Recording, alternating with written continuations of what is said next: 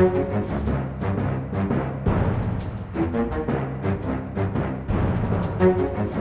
eh, kjører vi på med denne ukas eh, Aftenpodden. Vi er på plass i det store, fine, lyse TV-studioet vårt, alle fire. Eh, god dag, god dag, Sara Sørheim. Hallo? Hallo. Går det bra med deg?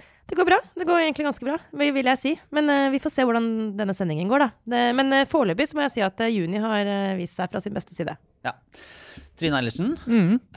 du og Kjetil Alstheim som er kommer ferske fra en led, to dagers ledersamling i Aftenposten. Vil du si at Ja. dere er, eh, er det sånn som dere går ut av med et ekstra hopp i steget, eller man kommer ut med et eh, litt eh, eh, uttrykk? Nei, altså Etter så det er jeg som liksom har, har vært vertinne for den ledersamlingen, så, og det, Kjetil får ikke lov å si noe annet, så selvfølgelig kommer jeg ut full av entusiasme, håp for fremtiden og tro. Det Så, og så var vi jo da på hotell. Vi var på rett og slett. hotell. Det var, og det var jo ikke da fro- frokostbuffé. Det var sånn, det var noen som sto der og så kunne du peke. Jeg vil ha, jeg vil ha liksom bacon og jeg vil ha eggerøre. Og så sto det noen bak og, og tok på tallerkenen. Og det, når det er så få folk på hotell, så funker det. Men jeg tenker meg, hvis Hvis hotellene var faktisk fullt, så må gjester du ha frokost fra fem til ett, det- liksom. Nei, det var Buffeen er død, det kan jeg bare melde. Nett, ja.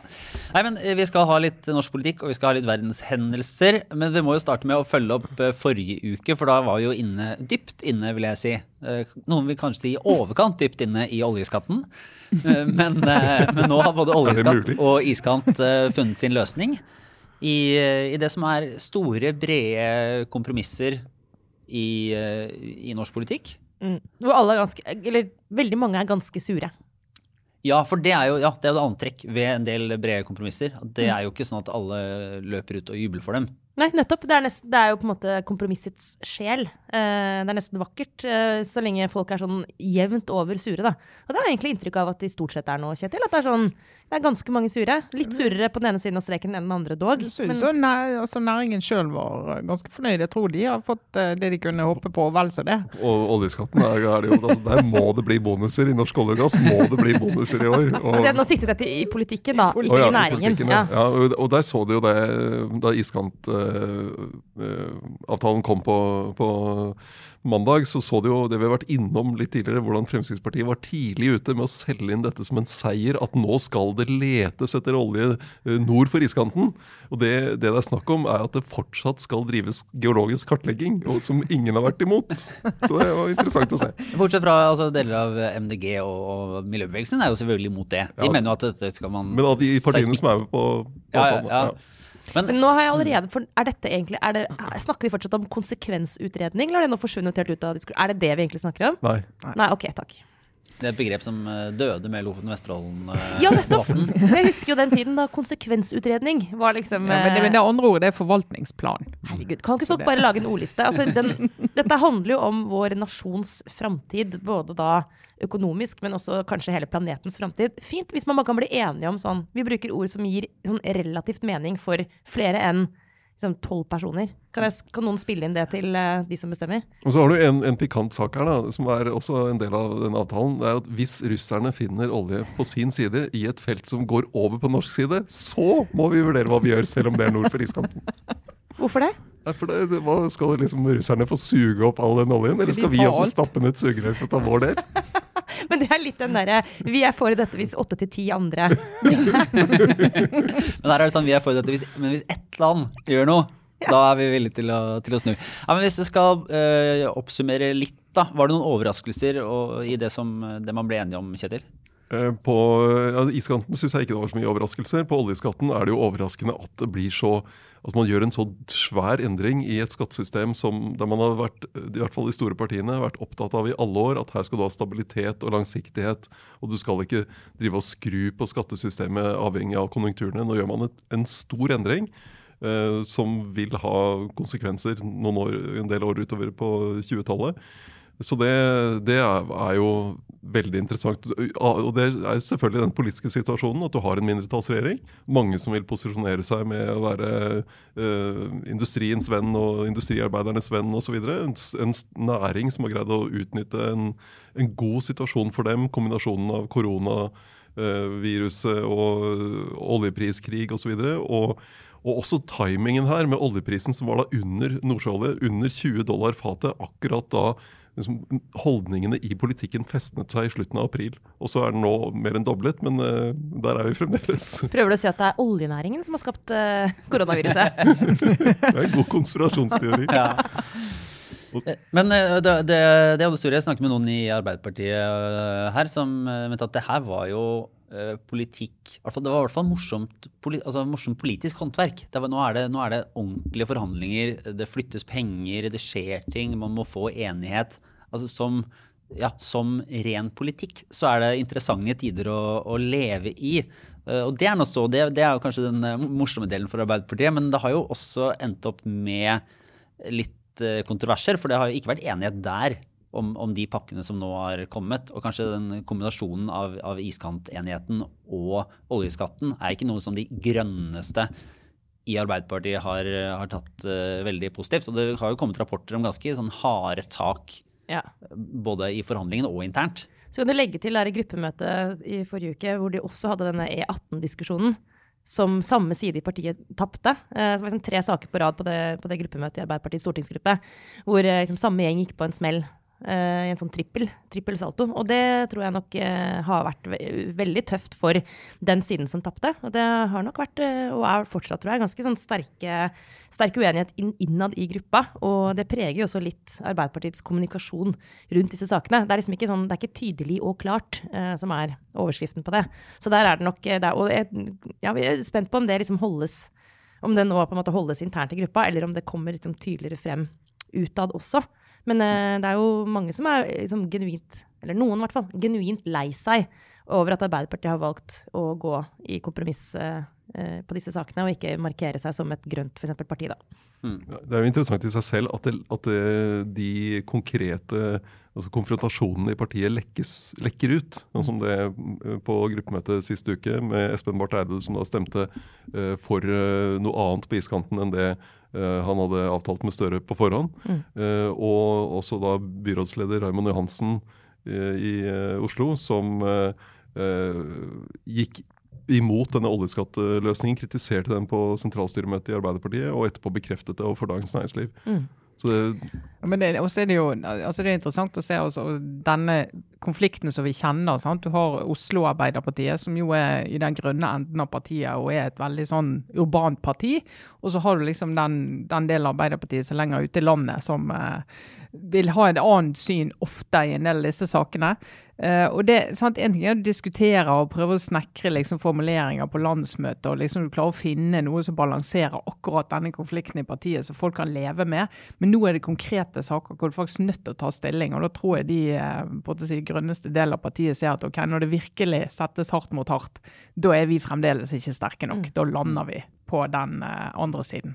Men jeg synes jo det er godt, For oss er det selvfølgelig veldig bra at uh, ting lekker. Men sånn for partiets del, så noen ganger litt sånn er det altså, Som regel er det et dårlig tegn når uenighet lekker ut, for det betyr at det er dårlig stemning. Og at er, folk ser seg tjent med å fortelle om det til alle som vil høre. Men det er jo også fint på et vis sånn for den politiske debatten, fordi disse, disse, temaene her er så utrolig viktige i årene som kommer. Og det, den splitten går tvers gjennom de etablerte partiene. Så hvis ikke de ulike liksom, Eh, gruppene i partiene kan ta denne diskusjonen ut, så, så, blir den politiske debatten dårlig. For det er en sånn reell uenighet som ikke følger partilinjene, eh, og for Arbeiderpartiet sin del. Men bare si, dette er jo spennende å spekulere i, fordi det kan knyttes opp mot hvem som skal ta over etter Støre også. Og Raymond Johansen er jo fortsatt helt sånn han, Jeg har aldri har ikke hørt noe annet enn at han har liksom hevda sterkt at han ikke er en partilederkandidat. Men la oss si at han er det likevel, da. Han er jo nå veldig tydelig egentlig på vei opp i en slags sånn opposisjonsrolle i partiet. I hvert fall at han står og fronter, som du sa, Trine, den der mm. grønne, urbane, litt sånn, noen vil si mer moderne utgaven av, av det gamle sosialdemokratiske partiet. Det er utrolig, altså, og Egentlig så hadde det vært helt fantastisk hvis det ble en åpen, konstruktiv og kul debatt i partiet som vi andre kunne ta del av. Det hadde vært ja, gøy. Sånn som det, sånn som det er i, Venstre og andre partier som har leder, ja, og sånn, så, Jeg husker da Høyre gikk i regjering, skulle, eller mot, frem mot det, og så skulle de liksom være partiet som hadde alle sine interne debatter. De kunne, de kunne møtes to fra Høyre i eh, Politisk kvarter og være uenige om en sak, og vi har så veldig åpen eh, kultur. Eh, Arbeiderpartiet har en annen kultur, og det, det finnes det mange gode grunner til. Men en forklaring også er jo at hvis de gjør det, så kommer jo Høyre og sier men herregud så dere vingler, og her er det ingen. sant, og Bruker det politisk, selvfølgelig. Så det er, ikke, det er ikke lett for det partiet, som er jo en sammensetning av koalisjoner, å fremstå uh, utad med, med, et veldig tydelig budskap i en så vanskelig sak. Men er det, er det, bare at Høyre har bedre partidisiplin? Er det at de sitter i regjering? Hva er det som gjør at den, den, disse sakene ikke splitter Høyre, eller at du ser på samme måten det skal, alt det skallra i Høyre, eller gjør du det bare at ikke vi ikke følger med på det? Ja, men, men altså, Høyre har jo ikke den si, altså, Arbeiderpartiet skal jo favne altså, Det er jo hele den gjennomgående konflikten. når Det skal være, det er krevende å skulle være på f.eks. industriarbeidernes eh, side, samtidig som skal være kjempe for en politikk som legger ned industri. Altså, det er helt åpenbart. og Her er jo Høyre bare De trenger ikke å bry seg om det. De har jo aldri fremstått som altså, de, de, de trenger, Høyre kan bare se bort fra en hel haug med ting fordi de aldri har markert seg på det feltet uansett. De kan gå på næringens side og være, slappe helt av. Ja, du har jo sett eh, at den debatten kommet, altså på klima versus oljepolitikk er kommet også i Høyre. Akkurat En, en grunn til at den ikke er kommet til syne nå i forbindelse med oljeskatten, da, kan jo være at uh, her handlet det om hvor Eh, skal man gå enda lenger enn det regjeringen har foreslått. Altså, regjeringen kom med et forslag, og så har de kreftene som vil dra dette enda lenger, være enda rausere med oljenæringen, det var, de fantes på Stortinget. Så det, var, eh, det var, handlet om på en måte å holde igjen. da. Og det, det, det var jo interessant med det signalet som, eh, som da i forhandlingene forrige fredag ble sendt fra Høyres side med klarering fra Erna Solberg om at vi går ikke lenger enn det vi har lagt på bordet nå. Mm. Og som da utløste, som vi skriver, har skrevet om nå, at Arbeiderpartileder Jonas Gahr Støre spør i forhandlingsrommet betyr dette at Erna Solberg vil stille kabinettspørsmål på denne saken. Altså at regjeringen vil gå av hvis det blir et flertall på Stortinget for uh, å gi oljenæringen enda mer uh, enn uh, det regjeringen er villig til. Og det er, jo, det er jo en sjelden og interessant situasjon. Mm.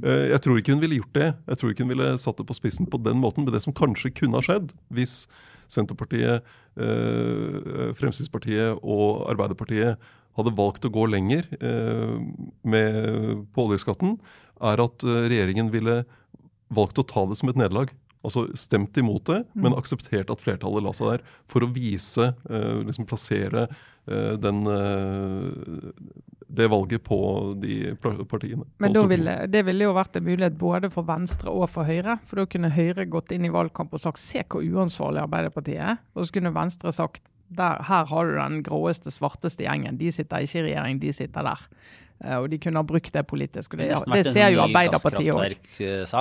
Altså, Arbeiderpartiet ser jo at det ikke nødvendigvis ville blitt en veldig god sak for de alle debatter. da. Men er det, har, har det skjedd Altså, går det an på en måte at en regjering taper en sak og ikke går av på den måten her? Jeg kommer ikke på noen eksempler. Ja, mindretallsregjeringer går jo på nederlag på Stortinget. Det er jo ikke, altså det, så er spørsmålet er når skal du spisse det til eventuelt? Og nå skal du bare si at okay, stortingsflertallet vil dette, det føyer vi oss etter. Og nå skal du si at dette er så viktig for oss at hvis ikke vi får med oss noen, så må vi gå. Mm. Så det, det, jo, det skjedde jo den eh, våren etter 2017-valget.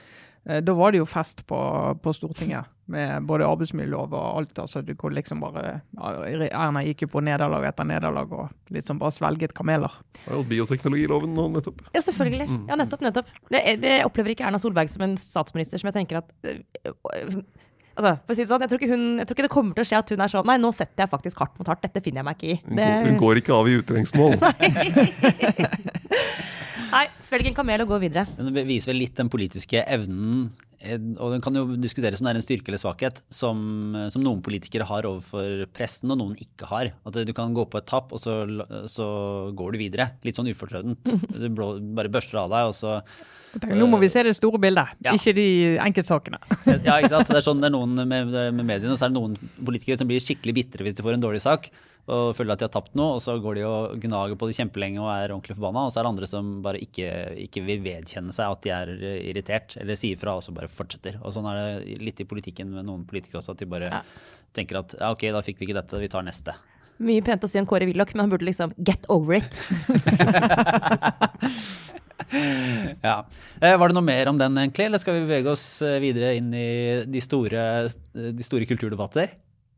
Ja, altså Det er jo alltid en kulturdebatt eller en metadebatt eller en mediedebatt som, som Ja. fenger mer på sosiale medier enn oljeskatt. Det vil jeg kunne si. Vel, det må være lov å si. det har du rett i, faktisk. Men vi kan, jo, vi kan jo på en måte berolige med at vi ikke skal inn i uh, statuer, malerier i Bergen eller uh, navn på bydeler i Bergen. Da. Det er helt tatt eh, i denne biten. Men det er en sak som er uh, fascinerende og interessant, og som jeg har gått dypt inn i denne uka, må jeg si. Kanskje dypere enn det betydningen eh, skulle tilsi. Men vi har, altså New York Times regnes jo som den største og kanskje viktigste avisa i verden. Ja. det riktig det? Ja. Bortsett fra Aftenposten, da. Bortsett fra Aftenposten, ja, selvfølgelig. Og, og viktige nyhetstjenester som NTB Det fin- NTB. finnes jo større aviser i India og sånn, men de har ikke samme gjennomslag. Så. Nei, så sånn av, av eh, på en måte den vestlige verdens mest profilerte og toneangivende avis, New York Times, opplever nå det som framstår som en slags eh, borgerkrig, som foregår i, delvis i offentligheten og delvis på interne forumer. Uh, muligens drevet av at folk nå sitter i stor grad på hjemmekontorer og, og snakker med hverandre på chat og ikke tar det ansikt til ansikt. Det fører jo kanskje til at konfliktene hever seg.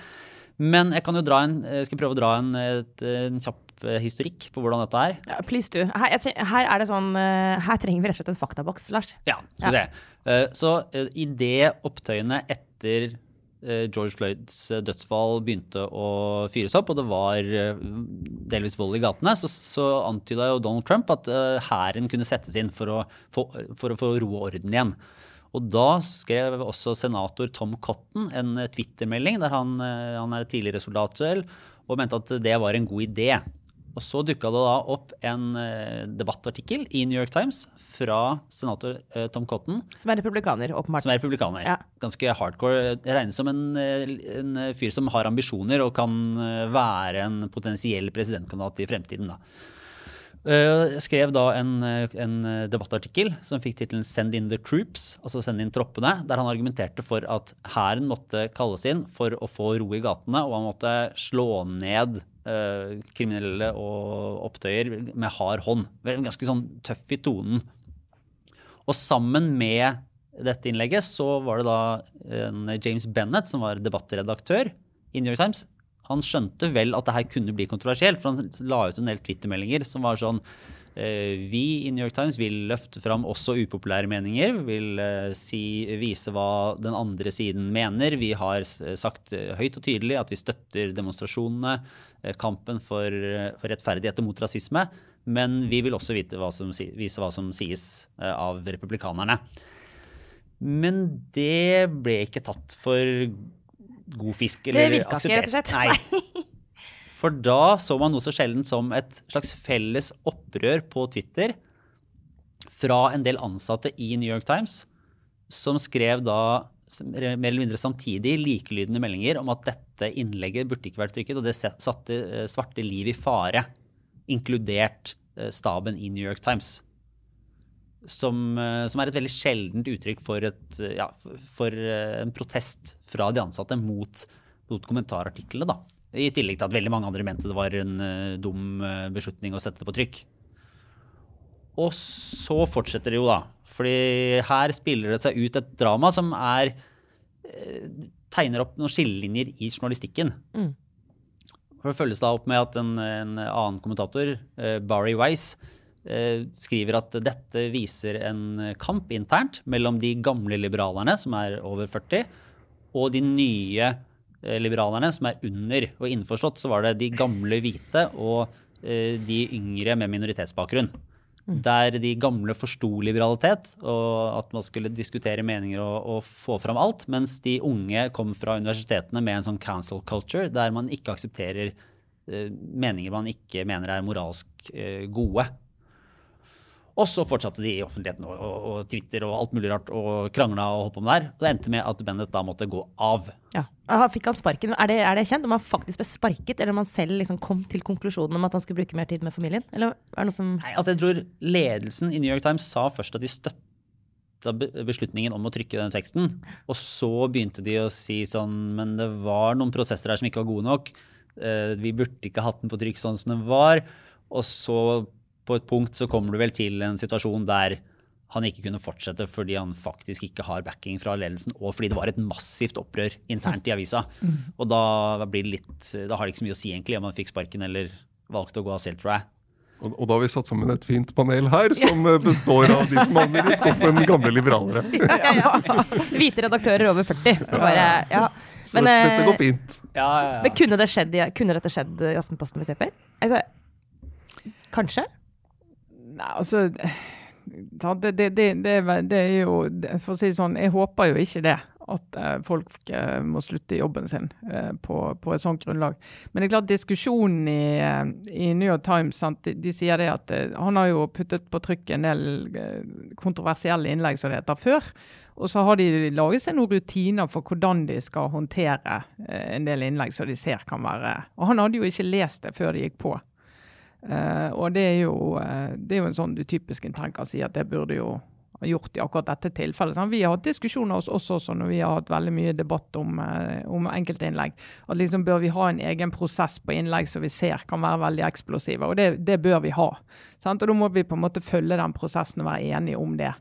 Uh, men det er jo det som jeg syns er um, litt sånn vondt å se da, med New York Times. Det ene er jo selvfølgelig at de tar debatten ut av huset.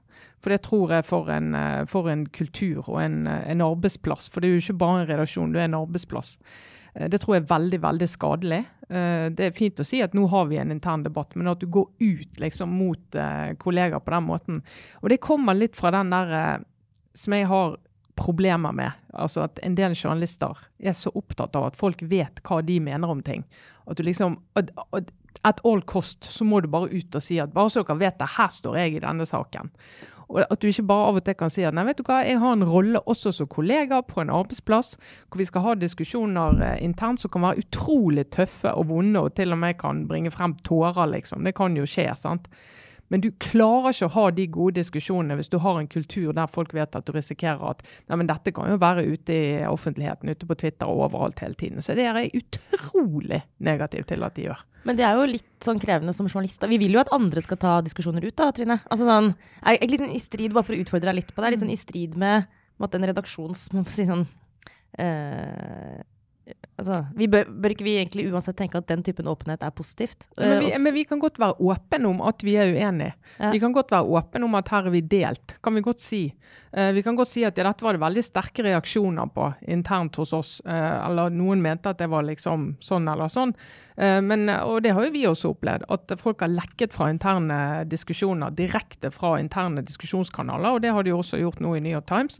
Og det som skjer da, det er at en haug av de som kanskje er litt mer i tvil, som ikke er så skråsikre, men som liker å delta litt i diskusjonen, de trekker seg ofte helt tilbake og sier nei, da vil ikke jeg delta. Hvis jeg risikerer det, at det jeg sier her og spør en kollega om, eh, i god tro om at dette er en åpen diskusjon vi har som kollegaer på en arbeidsplass.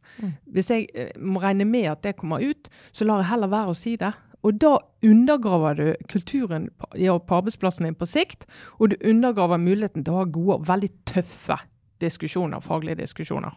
Men Aftenposten Men vi er for lekkasje fra andre. Altså bare Ja. for å presisere helt tydelig, så ingen, ingen misforståelser ut i Men Aftenposten har lagt seg på en linje som er der eh, New York Times fram til nå i hvert fall har, har vilt være. Altså at det skal være et, et bredt spekter av meninger. Og, og også de som er upopulære. Og har jo utfordra det bl.a. nå kanskje senest med denne teksten fra Fjordmann, som det ble en del debatt om. eh, og også tidligere. Så bare sånn for å, i, for å kartlegge her, da. Vi tenker at et sånt innlegg, det burde kunne stå på trykk. Ja, altså, jeg, jeg vet ikke om vi hadde hatt det på trykk i den formen heller, men at, at den type meninger kan komme på trykk, altså at du kan få frem at en sentral politiker mener dette, det syns jeg er he helt relevant.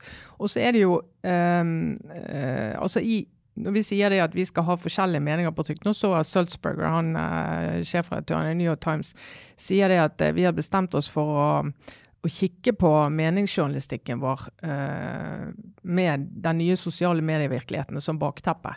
Og da lurer jeg på, hva, hva mener han da? Mener han da at nå er vi i en virkelighet? For i USA er det helt ekstremt, den der Twitter-stormene. At nå er vi et sted hvor vi er nødt til å sile meninger ut fra hva en eller annen form for flertall av våre lesere eh, synes er riktig. Skal vi liksom gå og ha en sånn temperaturmåling og si at nå må vi ikke ta på den stemmen, at han har jo det, det stå, eh, inntrykket der ute. Vi må ikke ta på den stemmen, fordi da kan vi få den type storm. Vi må ikke ta på den meningen, for det vet vi at mange internt hos oss er uenig i. Hvis du gjør det med meningsjournalistikk, da kan du egentlig legge den ned. Kan du bare si at det ikke er vits å ha det. Da får folk heller bare ytre seg på sosiale medier, og så driver vi med journalistikk, eh, får frem nyheter, og så kan meningene og diskusjonene gå andre steder. Da kan ikke vi, da Et redaktørstyrt medium som redigerer med det utgangspunktet, egentlig, det funker ikke. Sånn som jeg har skjønt Noe av debatten i New York Times uh, om det innlegget til Cotton, var jo Uh, som Trine var innom, uh, debattredaktøren hadde ikke lest det. Uh, det var ting som ble presentert i det innlegget som fakta, som var meninger. Og de, de, det var New York Times som spisset til tittelen. Det var de som lå i tittelen, f.eks. Sånn det, det, er jo altså, det, er, det er mange sider ved det. Det godt, kan godt tenkes at det innlegget var riktig å trykke det innlegget, men det var ikke riktig å, å, å behandle det på den måten. Mm. Ja, og Det er jo skille mellom liksom det som er sånn håndverksfeil Eh, ja. Som jo er veldig alvorlig å gjøre. Eller, um, eller meningspoliti.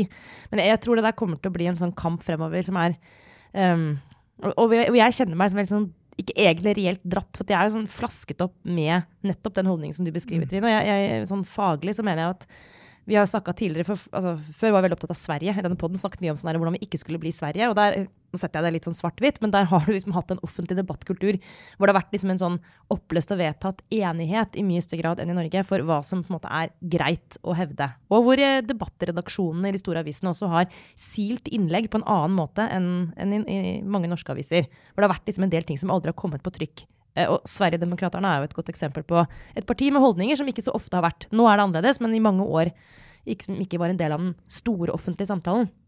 Dette er liksom bare sånn bakteppe for at det kjennes helt intuitivt helt feil at en debattredaktør skal måtte gå av fordi uh, han har satt på trykk et innlegg som veldig mange er uenig i.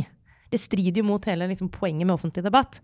Men det sagt, så bare tror jeg at det kommer til å bli Dette tror jeg kommer til å bli en sånn stor diskusjon fremover. Fordi jeg, jeg syns jeg måtte føle på tidsånden at den holdningen her, nettopp den som du beskrev, den uh, 40 pluss-holdningen, er liksom utfordra. Og jeg prøver å øve meg selv litt på, på måte, ikke bare avvise det helt automatisk, men liksom være villig til å, til å lytte litt da, på liksom, the other half. Så, men det, det, kjenner jeg at det er litt sånn vanskelig, for det er så åpenbart for meg at vi ikke kan drive med sånn meningspoliti. Men det jeg tror, det er vel kanskje ikke Jeg tror, jeg tror kanskje spørsmålet her blir også større enn det er en meningspoliti og debattsidene som sådan. da, For det som også tegner seg opp, er jo et, et, et sånn veivalg for journalistikken om man skal si at uh, journalistikken har et uh, sånn samfunn, enda større direkte samfunnsmessig engasjement i en eller annen retning. Og at den illusjonen om at du har hatt en plattform som er åpen og tar inn fra begge sider, at det er et ikke-ideologisk standpunkt. Det er, et, eh, det er en, ja. ikke, er, ikke er tilfellet. At, at, du må faktisk, du, de valgene du tar, speiler også noen ting. Og da er det bedre i et Bedre å være åpen om det. Bedre å være liksom. åpen om ja. hva du mener. Og, og la også journalister agere og snakke med en personlig stemme inn i spørsmål, fordi at det er umulig å finne en form for objektivitet. da. Det er, men, det jo litt men det mener jeg, altså objektivitet, altså Snakke om nøytralitet og objektivitet, det er helt meningsløse begreper. egentlig. Du må, du må, etterstrebe en balanse, og du må etterstrebe at du har gode verktøy og at du har god metodikk når du jobber som journalist. Men jeg har altså enormt store problemer med å forstå at hvis du velger å bli journalist og jobbe med nyheter, du har verdens beste mulighet til å ta det engasjementet ditt. Veldig, jeg tror alle journalister jeg kjenner er antirasister. Og du kan gå inn i den eh, problematikken der. Finne historier, finne eksempler på strukturell rasisme. Utfordre politikere. Pushe de og pushe de og pushe de til du får respons på det. Du har alle mulige måter til å leve ut det engasjementet der på en mye tøffere måte enn å bare ta sånn ut i sosiale medier 'Hei, jeg er antirasist'. Altså, det, selvfølgelig er du det. Men hvis du da er nødt til å gå inn i alle sakene du dekker og si Og forresten, du må nesten vite hvor jeg står i denne saken. Da tror jeg du gjør det antirasisme er en enkeltsak, fordi det er så lett å være antirasist. Men du har 10 000 andre saker som er mye mer betente og kontroversielle. Og jeg hører en del eh, journalister si at ja, men det skjønner vi jo intuitivt, at vi ikke kan gå inn i de sakene. Nei, det er det mange som ikke gjør. Det ser du jo stadig eksempler på. Og journalister som jobber med nyheter, sklir inn i en sånn der Ja, de liker en sak som åpenbart flagger et standpunkt for de, eller de liksom går og eh, kommenterer i en tråd som gjør at de blir flagget på et standpunkt. Og det mener jeg, hvis ikke du, du må ha en rolleforståelse som gjør at du kan gå inn i alle typer type saker, og ikke bare ha en sånn Ja, men denne saken er jo så åpenbar. Det, Den er så åpenbar, ja. sant? Men det der tror jeg kommer til å bli, altså jeg ser det blir sånn større, sånn, stadig større press på det at du skal flagge et ståsted. Og at mange, også journalister, tror jeg opplever liksom at ja, det er um, Hvis du ikke sier f.eks. noe så åpenbart som at jeg er antirasist, som, som, som jo det er, er, det normale å være, at du kan bli pressa på sånn Du må ta et standpunkt. At du får sånn veldig polarisert offentlig debatt. Sånn, Enten er du med oss, eller så er du med terroristene. liksom. Og det presset der, det, sånn- det, det der må faktisk journalister stå imot. For at det er forskjell på å være en privatperson og være en journalist i sånne type meningsutvekslinger. Men det der, det der har kommet nå som en sånn Det synes jeg er sånn faresignal ved den offentlige debatten. At du blir pressa inn i et hjørne. men det var jo en grunn til at Obama tok det opp, det var vel i fjor. Sant? Så sier Barack Obama det. Det er mange unge i dag eh, som eh, tror at eh, det å gå, jobbe for endring, det holder å liksom bare sitte på Twitter og si 'jeg tok deg', du brukte feil ord, du gjorde en feil. Skal jeg, jeg skal ikke bare ta deg, jeg skal drepe deg. Og jeg skal liksom mobilisere alle jeg kjenner til å gjøre det samme. Og at det er liksom en sånn eh, woke-aktivisme. da, som Han var utro, han er utrolig kritisk til det. Og så er du nødt faktisk å gå ned eh, på, på grunnplanet og gjøre jobben. Du er nødt til å engasjere deg politisk. Du må inn i kommunestyret, du må inn i partiet, du må inn i organisasjonene. Det er for lettvint å sitte der og bare si at 'jeg føler meg bra, for nå fikk jeg sagt til han der at du er en rasist'. Og det er mulig du suger det ikke er det, men jeg, jeg bare skriver 'ja, men dette viser at du helt sikkert har sånne holdninger likevel'. Og Han var jo også opptatt av den eh, nominasjonen i Det demokratiske partiet. Eh, og, og Han snakket om en sånn purity-test, eh, der eh, Obama sier at det blir veldig farlig for demokratene hvis alle som har lyst til å bidra i dette partiet, skal utsettes for en sånn 'ja, men du brukte det uttrykket i 1994'. Tar du avstand, tar du avstand. Du brukte det, du brukte det. Sånn at du hele tiden skal snevre inn feltet, sånn at folk skal være, mene akkurat det som vi, majoriteten i partiet, mener i dag. Og vi skal snakke på akkurat den måten som vi gjør i dag, og du skal alltid ha gjort det. Hvis ikke så er det noe med deg. Og han sier eh, Obama, og der jeg bare følger logikken hans fullstendig, at du bare lager så utrolig uraust ordskifte, da. Hvor det er ikke rom for å gjøre feil, det er ikke rom for å, å eh, bruke et uttrykk feil. Eh, du kan beklage, det holder ikke. Du skal bare fortsatt slå, bli slått i hodet med liksom den aller største spaden av dine egne. Men der mistenker jeg, og det er, ikke, det, det er bare en, veldig god tekst i New York Times Magazine som har sett på opprørene i, i de store redaksjonene. Og det går særlig på uh, afroamerikanske journalister som dekka de opp, Ferguson-opptøyene i hva var det, 2014 eller noe sånt. Og kom tilbake og måtte, så virkeligheten på en annen måte. Og, og dekker eh, Bare beskriver ting det som de oppfatter som nøytralt, fordi de, sånn er det. Men for måte, den hvite redaksjonen eller for majoritetssamfunnet så virker det eh, fordi man ikke kjenner seg igjen i det, som en partisk måte å skrive på, f.eks. Og en partisk måte å delta på. Og det tror jeg, Der kan man nok tenke litt gjennom hvordan de redaksjoner kanskje har vært Det kan være rom for å være en eh, på en måte personvernsaktivistisk journalist. da. Eller du kan være en, en journalist som har tydelig, en tydelig oppfatning og skepsis til sikkerhetsmyndigheter eller til eh, PST eller til hva som skjer. og Det er på en måte en, det er et syn som du kan være offentlig med. Men hvis du er minoritetsjournalist og har som felt å skrive om rasisme, så blir du satt som en aktør også fra de utenom.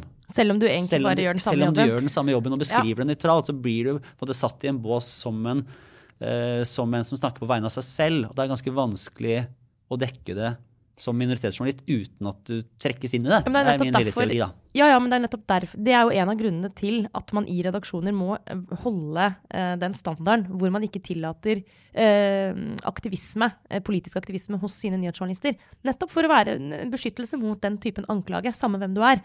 Eh, om du tilhører en eller annen form for minoritet, så skal du profesjonelt kunne utføre jobben din. Eh, nettopp fordi alle gjør det. Altså Med en gang du begynner å skli ut der, så vil du på en måte kunne argumentere mot en journalists profesjonalitet.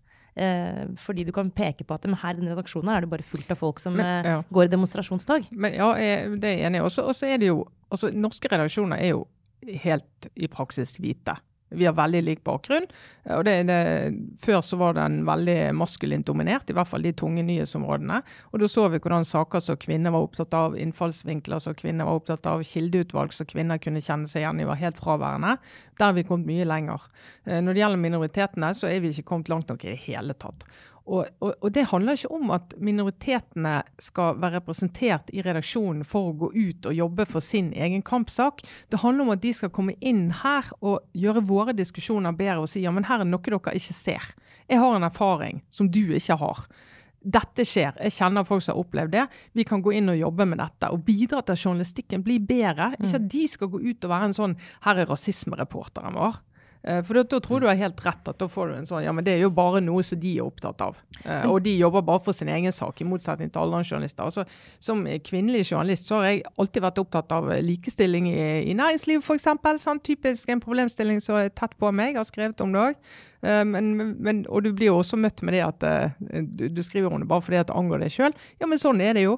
Men du må jobbe med metodikken, og du må jobbe med hele redaksjonen, så du får andre diskusjoner. Og der er jo ikke vi i nærheten av å komme langt nok. Men det er en veldig positiv ting som skjer rundt oss nå. Hvis vi bare sånn, ser bort fra altså den typen sånn, hvordan skal vi som journalister angripe samfunnsdebatten. Men eh, en annen side av den eh, jeg vet ikke hva jeg skal kalle det den bevegelsen som foregår rundt oss nå, som er utrolig positiv, er jo nettopp det der med å nok en gang, for vi må gjøre det her igjen og igjen, bli bevisst på liksom, hva man ikke ser selv, eh, og hvilket blikk man bare mangler. Og der mener jeg Lars, at det er en sånn parallell. Vi har diskutert litt sånn på bakrommet om det som skjer nå, liksom ligner på metoo-bevegelsen. Og det kan du si at det er en, både ja og nei til det, men i hvert fall en fellesnevner da, for mer sånn, sånne type opprør, eller hva, hvis vi beskriver det som skjer rundt oss nå. En fellesnevner der er i hvert fall at du får noen historier servert som man på en måte ikke har sett selv. Og når det gjaldt metoo, så kjente jo jeg liksom, på at jeg tilhørte bevegelsen. At det var på en måte min kamp. Så selv om jeg ikke hadde vært utsatt for så mange ting personlig, så kunne jeg kjenne meg veldig igjen. Og jeg var veldig sånn, opptatt av at vi må fortelle de historiene. Veldig med metoo handlet om å fortelle hvordan man har opplevd ting. Eh, igjen og igjen og igjen, helt til alle som ikke ser deg, som får øynene opp for det. Og det virket jo. Altså, jeg tror mange menn, her, for dere to som er, tilhører den rasen her i studio, eventuelt protesterer, men jeg tror mange menn opplevde at oi, at de ikke hadde tenkt helt på det perspektivet, kanskje, eh, før det ble så massivt. Og der kjenner jeg nå på at det, det er veldig mye jeg ikke ser. Og utrolig mange ting jeg bare ikke har tatt inn over meg. Uh, og setter bare pris på å få de historiene fra folk som er pga. fargen på huden sin eller andre liksom, ytre tegn. Rett og slett bare opplever det som må bare kunne Det er som opplever rasisme. Mm. Og det å på en måte innse at rasisme fins også i vårt samfunn. Jeg må bare si at det, jeg ser ikke det, og det har jeg innsett nå. Så det er en veldig bra ting. Men det var jo Det kom en sånn IMDi eh, i dag som ble offentliggjort. Og da, altså Over 80% av nordmenn sier mener du det finnes rasisme i Norge. Ja, det gjør de. Men, ja. En god del. Ja, Men det tallet må jo ha økt, da. ikke sant? Ja. Og det er jo bra. Det er helt, veldig sånn rar at vi fortsatt skal sitte og diskutere om rasisme fins. Uh, vi har jo politikere på Stortinget så mener ja. at det ikke er et problem. Det er jo, det er, altså, okay, jeg går lang, for langt ut i meningsytringene her, men det, det viser jo både, både, erfaringsgrunnlaget til de som er i risikosonen for å bli utsatt for det, i hovedsak, og meningsmålinger viser at det er, et, det er et problem for såpass mange at det framstår som helt realistisk at vi skal ta tak i det. Da. Så den er kanskje ikke helt første punkt å, å, starte på. Men hvis du tenker, Kjetil, hva er det som kommer til å stå igjen, tror du, etter den runden vi har nå? Er det varig endring? Ja, jeg, jeg syns det er veldig vanskelig å, å vite. Det syns jeg for så vidt også med metoo. Altså, hvor varig den effekten er. Eh, jeg, jeg tror jo at den har gitt en sånn bevissthetsendring eh, hos mange.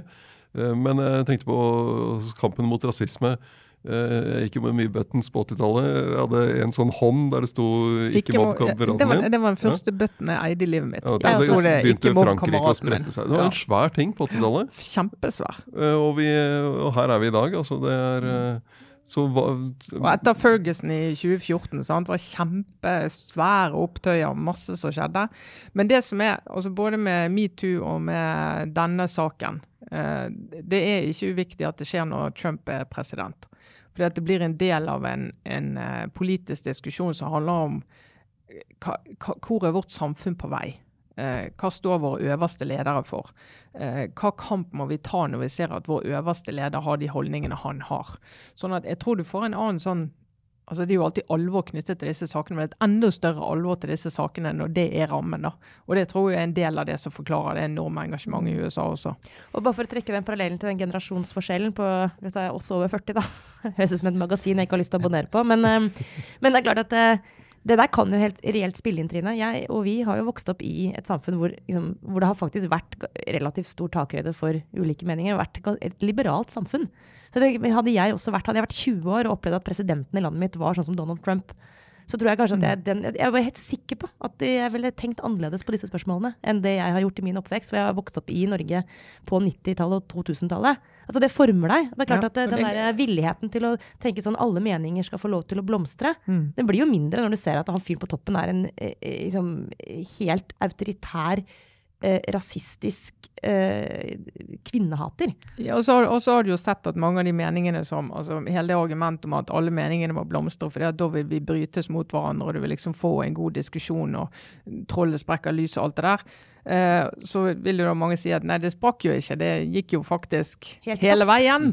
Eh, Uff, men det var veldig deprimerende, da. Da ble jeg sånn Ja, men var- samtidig da, samtidig da, så tenker jeg at det, det er så farlig hvis vi da sier nei, nå gir vi opp det der. Vi gir opp det der eh, åpne ordskiftet. Vi bare sier at den type stemmer. Og hvem er det som skal sitte og bestemme det? Hva geni er det som skal sitte og si at du, du og du har ikke rett til å bli hørt på den og den måten?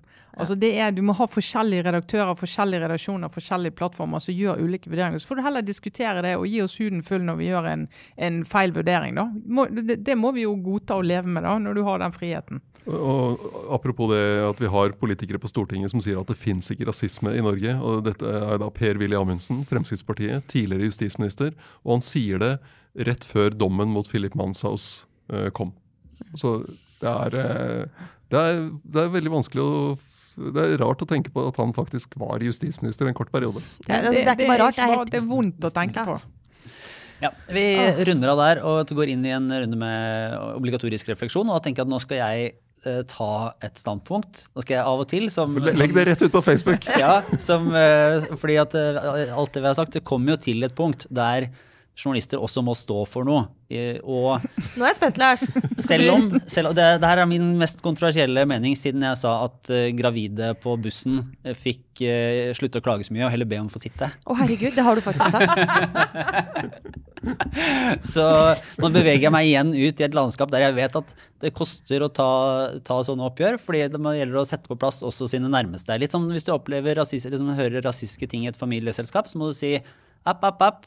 Eh, sånn vil jeg ikke at vi skal snakke her. Nå, jeg er bekymra på dine vegne nå, for jeg føler at du er på sånn rett på sånn veldig full fart inn i et eller annet minefelt. Men ok, ja, fortsett. Nei, nei, for nå har jeg uh, kommet uh, til bristepunktet på en språklig endring som har skjedd i det norske samfunnet over en del tid, men uh, nå får det være slutt. Og jeg, det meg, altså det her er rett inn i hykleri, for jeg sier det selv, og, og mange gjør det, men nå er det for mye liksom og liksom i det norske språk. Er det det du skal ta kampen mot? Ja, Men det det er jo ufattelig det ukontroversielt. Nei, det jo- er ikke det. Bare, bare, Er det bare, hør, bare hør på oss selv. Men det er så, det er, altså, jeg har jo vokst opp med en mor som var norsklærer eh, i min barndom. Og fått sånn smekk på fingrene om i hvert fall sånn et blikk som tilsvarer det, hver gang jeg har sagt liksom Altså, det her er jo en kamp veldig mange har kjempet før deg. Ja, du nå er liksom ikke en pioner nå. Nei, det er mulig, men nå uh, jeg, altså, Med jevne mellomrom så må man løfte også de mest sånn basiskampene i samfunnet. Fordi ellers så sklir det ut. Og så ender man plutselig på et uh, punkt igjen i samfunnet der alt er lov. Og nå mener jeg at nå må vi si stopp. Og så må vi se oss sjøl i speilet og så ta sånn Kan det være nødvendig å snakke så moderert og forsiktig? Så det er min oppfordring inn i tiden, at eh, her må vi ha en felles dugnad i kjølvannet av dugnaden for å berge det norske samfunnet i møte med en pandemi, og i dugnaden om å kvitte oss med rasisme som fenomen. Så er dette den neste. Kan man da slenge på et par ting til i denne kampen? Så man først skal drive og utrydde noen ord, kan man, kan man, er det mulig å legge på flere her nå? Ja, Jeg har noen, jeg altså, jeg, vi- det er åpent. Må bare si at det, det her er et begrep, da, ikke et ord, men det er ikke lov å si å gjøre en forskjell. Nei. Det fins ikke på norsk. Altså, Jonas Gahr Støre har skrevet en bok som heter 'Å gjøre en forskjell', og det, det misliker jeg så sterkt. Altså, det mener er nesten diskvalifiserende for eh, et uh, presumptivt liksom, intelligent menneske. Det heter ikke 'å gjøre en forskjell' på norsk. Huskeregel der er at hvis du skal bruke å gjøre en forskjell, så bare tenk å støre en forskjell. Men det er jo en To make a difference, det er jo sikkert Ja. eh, en Det er en anglisisme. Det er en Ja. Ja. Det er jo det. Så, men jeg er jo på ingen måte uskyldsren i dette her. Men eh, da, nå, nå er det nok. Ja, men det er notert. Da gjør vi liksom en forskjell her, så Ja. blir det er ferdig med det. Jeg håper dette kan gjøre en forskjell. Ja. På en måte. Vi gjør på en måte en forskjell. Ja. Eh, Sara, hvordan er det med deg? Nei, jeg sitter og Jeg er jo litt sånn sjelegranskende for tiden. Jeg, jeg føler at det, kanskje det er nok en 40-årskrise. Jeg innser jo det nå. Sånn Gud, har jeg tatt feil hele tiden? Kanskje det liberale åpne ordskiftet er feil? Hæ? Hjelp, hjelp, hjelp! hjelp Og den andre, som jeg, jeg ikke mener det er da, Trine. Ikke send meg sånn ondt blikk. Nei, nei, jeg er fortsatt nei, nei, På, på den riktige siden. Prøv bare å være litt åpen. Bruke undringskompetansen min. Gjør det, Sara.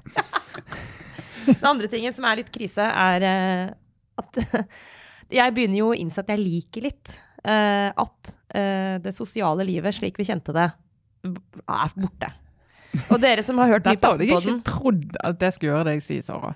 Nei, ikke jeg heller. Altså, dette er som å sitte inne i et sånt, et sånt rom med en sånn katolsk prest og bekjenne noe. Det føles vanskelig å si det høyt, faktisk. Men dere, dere som har hørt mye på podden, har kanskje skjønt at jeg er ufattelig glad i eh, folk og fest. Det er jo selve motoren i livet.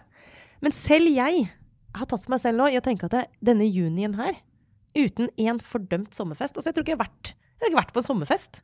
Det har, føles fælt, men det er et element av lettelse i det. Som jeg bare kjenner at det, det, jeg, får, det jeg innser at jeg har hatt for mange sosiale ting som liksom ikke egentlig har vært verdt det. Uh, og det, det gjør at jeg nå helt reelt, for det første, kjenner at det, det er sjokkert over min egen lettelse. Og lurer også på om det er mange som har det sånn. I så fall så er jeg liksom litt sånn usikker på er dette er en konsekvens av koronautbruddet rett og slett sommerfestens død. Men det, men det, det, Er det, systemet dette- deilig også? Her hviler det et tungt ansvar på Bent Høie. Altså. Har gjør det. Ødelagt verdien i livet for Sara Sørheim. Jeg føler at det er blitt, altså det er liksom sånn det har gått inn i, i kjernen i meg selv. Altså jeg vil ta, greit nok, Det fins ikke noe sommer igjen, du får ikke en sommer igjen når du er 17 år, men det jeg lurer på er sånn, får jeg aldri en sommerfest igjen? og det, og det verste er da vil du Det er det. ikke ha en sommerfest igjen. Det, det er jo da endra hele utsynet ditt på verden. Ja, at det, jeg har kjent på er at juni, det vet jo, det er junistria. Altså, nå er det kanskje mer sommeravslutningene. Jeg for så vidt kanskje egentlig kjenner at det er den store lettelsen der det ligger, da. Altså de so sommertreffene Det er noe helt annet. Ja. Det er helt annet altså. Så det er kanskje det som er løsningen. At man kan slutte med sommeravslutninger, men på å prøve å gjenopplive sommerfesten. Hvordan har dere det? liksom? Føler dere at det er, Savner dere det, eller er dere egentlig lykkelige med liksom, å aldri gjøre noe annet etter jobben enn å gå hjem? Nei, altså jeg jo, gjør jo meg ingenting, for det ligner veldig på det livet jeg pleier å ha. Men, for sånn, sånn er jo mitt liv. Men det, det jeg merker, altså, og det har jeg snakket med flere om, det er jo denne her eh, med mye hjemmekontor og de som har muligheten til å jobbe på hjemmekontor og ikke er permittert og sånn, eh, og kan være rolig på det. Vi eh, kjenner jo på at denne familielogistikken og hverdagsstresset da, er jo mye, mye enklere Ja. enn det pleier å være. Og da er det jo en diskusjon om eh, driver vi og syns at for mye er nødvendig? Ja, for jeg lurer på om det er det som egentlig kanskje er jeg At det er for mye håper du tenker det. du må Ja. gjøre, og så, og så blir hele dagen liksom pekt og ødelagt. At hvis vi kan bruke dette her til å øh, ta bort en del altså Særlig også, dette er jo fælt å si, men det er jo veldig mange av barnas aktiviteter som har vært avlyst. Mm. Og det har jo vært helt fantastisk. Altså, for en lettelse. Så liksom, hvis, hvis vi Her, begynner jo å nærme oss noe. Kutte ut sommeravslutninger på skolene og barnehagene og sånne ting. Kutte ut fritidsaktiviteter for barna. Så får vi et bedre liv. Er det egentlig et, samfunn. et sånt kostskoleargument her?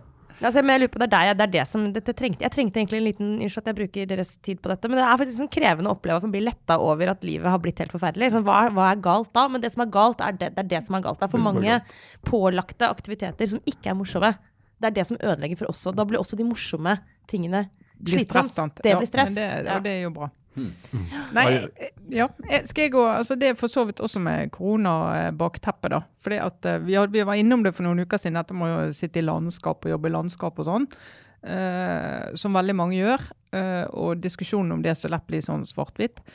Og så har vi på den ledersamlingen vår uh, i går og i, i forgårs, så hadde vi jo vi har, har gjort en undersøkelse blant de ansatte i Skipsstedet og i Aftenposten der vi spør de liksom om erfaringene eh, under koronajobbingen og hvordan de har lyst til å jobbe i fremtiden. Og da er det veldig få som sier at de har bare lyst til å jobbe her i Akersgata 55. Hæ? Det er jo helt få- merkelig. Og få som sier at de har bare lyst til å jobbe hjemme, men to tredjedeler ca. sier at jeg har lyst på en kombinasjon eh, av å jobbe hjemme og jobbe her. Eh, Og det kan du på en måte si at ja, selvfølgelig har folk lyst til det, men tror, vi kommer jo fra et sted hvor det med å sitte på hjemmekontor har vært litt sånn ja, Det er enten hvis du er forfatter og har sånn fritt yrke, eller hvis du eh, sant, vi tuller og kaller det for hjemmekontor. Sant? Det har vi liksom gjort. Og så har vi sett nå i disse ukene at for mange så har effektiviteten økt veldig når de har fått lov å sitte hjemme. Eh, For en del gjør det ikke det. Men du får liksom en diskusjon. Går det an å lage et eh, arbeidsliv sjøl med et sted hvor alle sitter i landskap og det er vanlig å komme på jobb hver dag? eh, Hvor du tilpasser mer til den enkeltes behov. da, Få en diskusjon om det. Og det er en, altså Hvordan skal du gjøre det attraktivt å jobbe på et sted som vårt, hvor ingen har eget kontor? Unntatt jeg, faktisk. Så nå har fått kontor for første gang etter 20 år i arbeidslivet. 20 år? Ikke det mer? Jo, det er nok mer. Det må være mer enn det.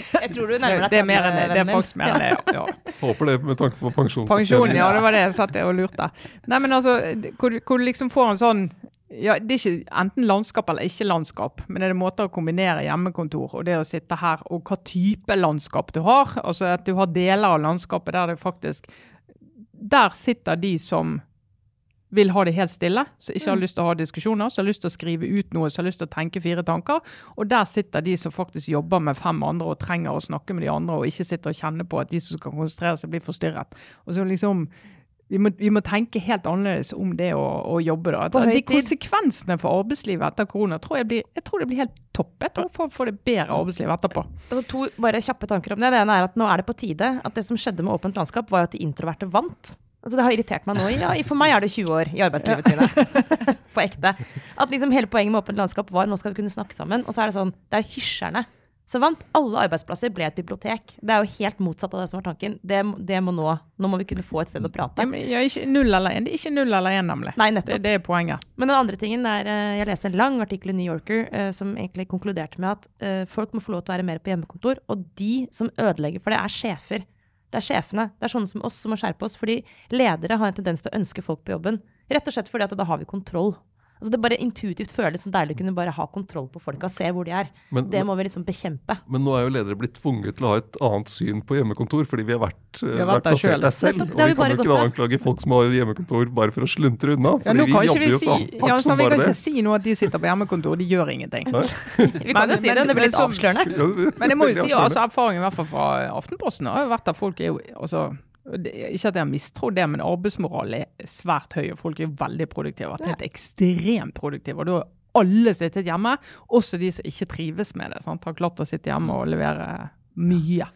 Jeg tror vi må eh, runde av, Kjetil, med en eh, liten anbefaling fra deg. Ja, eh, det er jo egentlig for å svare på spørsmålet fra Sara da, om vi savner sommerfestene. Svaret mitt er ja, det må jeg si. Altså, det, både sosialt sett og også sånn uh, kildemessig sett. Det er jo mange av de sommerfestene som er treffer folk som er interessante å, å prate med uh, journalistisk. Og så er det noe med det å, å ja, det er fint Det er å komme det med seg- komme kald seg ut hvitvin og treffe sol folk. og- Ja, det, er, ikke det er ikke feil, liksom. Men uh, jeg gjorde da noe annet i går. Jeg var på kino. Hæ? For første gang på denne siden av lockdown. Og det var, det var utrolig fint. Så, Hvordan, men var det sånn gul stripe over annethvert sete det, og sånn? det er jo begrensning. Du, Ja. du kan slappe av, Trine. Du skal, trenger ikke munnbind. Nei, ok. Men det er sånn eh, de, du, Det er veldig tydelig hvor de, du får lov til å sitte. Du får ikke lov til å flytte deg i salen, f.eks. Du må sitte der du Og de må registrere kontaktinformasjon i tilfelle de må ha sånn smittesporing etterpå. Men det da å komme på kino igjen i det kinomørket, og det er en stor skjerm og det er ikke den lille mobilen eller TV-ruta hjemme. Å se en ordentlig film, det var, det var helt Ja, hva så du fantastisk. Jeg så uh, Roy Anderssons uh, nye film. Den hadde jo premiere i Norge akkurat 13. mars, tror jeg det var. Så det gikk jo ikke så bra. Det heter Om det uendelige. Og han, han lager jo veldig spesielle filmer. Ja, de er veldig kjedelige da, og går veldig sakte. Uh, sånn kan man, noen, noen opplever det sånn. Og, og det var det som var morsomt, jeg så det på Vega scene, litt uavhengig sånn Du skal være kulturredaktør, Kjetil. Jeg Helt skulle alvorlig. det, altså, jeg vært det. Men da hadde de da, i Denne filmen bare, varer bare i en time og et kvarter, og så hadde de et halvtimes videointervju med ham etterpå. Som var, veld, var en veldig søt gammel mann på 76 som tok et opp, oppgjør med storytelling. At er, vi er, man har blitt så profesjonelle på å fortelle historier i serier og filmer og sånn, men han gjør ikke det. Det er mer som eh, det å se en Roy Andersson-film. Det er som å gå på en kunstutstilling. Du ser ett bilde av gangen. Han har et sånn tablå med en liten historie i som er, eh, Noen av dem er tragiske, andre er veldig komiske, og noen er dypt rørende. Veldig menneskelige. Jeg, jeg, utro- jeg, synes det, jeg anbefaler den filmen, men man kan få den reaksjonen som Sara hadde her. Og for å vise at vi ikke bare er innafor Oslo-bobla, så kan jeg fortelle at denne filmen også er satt opp i Ski. Ah, nei, men Det er fint å kunne, kunne gå ut av det her med en uh, ordentlig høykulturell anbefaling. Da, da føler jeg at vi har, har levert på, på oppdraget vårt. Og så tror jeg vi takker for oss for denne uka. Tilbake neste. Og hvis alle kommer seg gjennom dette her, og vi, ikke klarte å, vi klarte å ikke støte noen, så er jeg fornøyd. Alt Det har var vi i helt beste sikkert mening. ikke klart. Vet du, Det er umulig å unngå å støte noen hvis du skal ha en interessant samtale, Lars. Så jeg føler meg litt krenket. Jeg husker ikke helt hva det er. men Ja. Jeg tar for gitt. Ja. Vi, vi, alt i beste mening. Supert. Det var Aftenposten. Takk for nå. Ha det bra.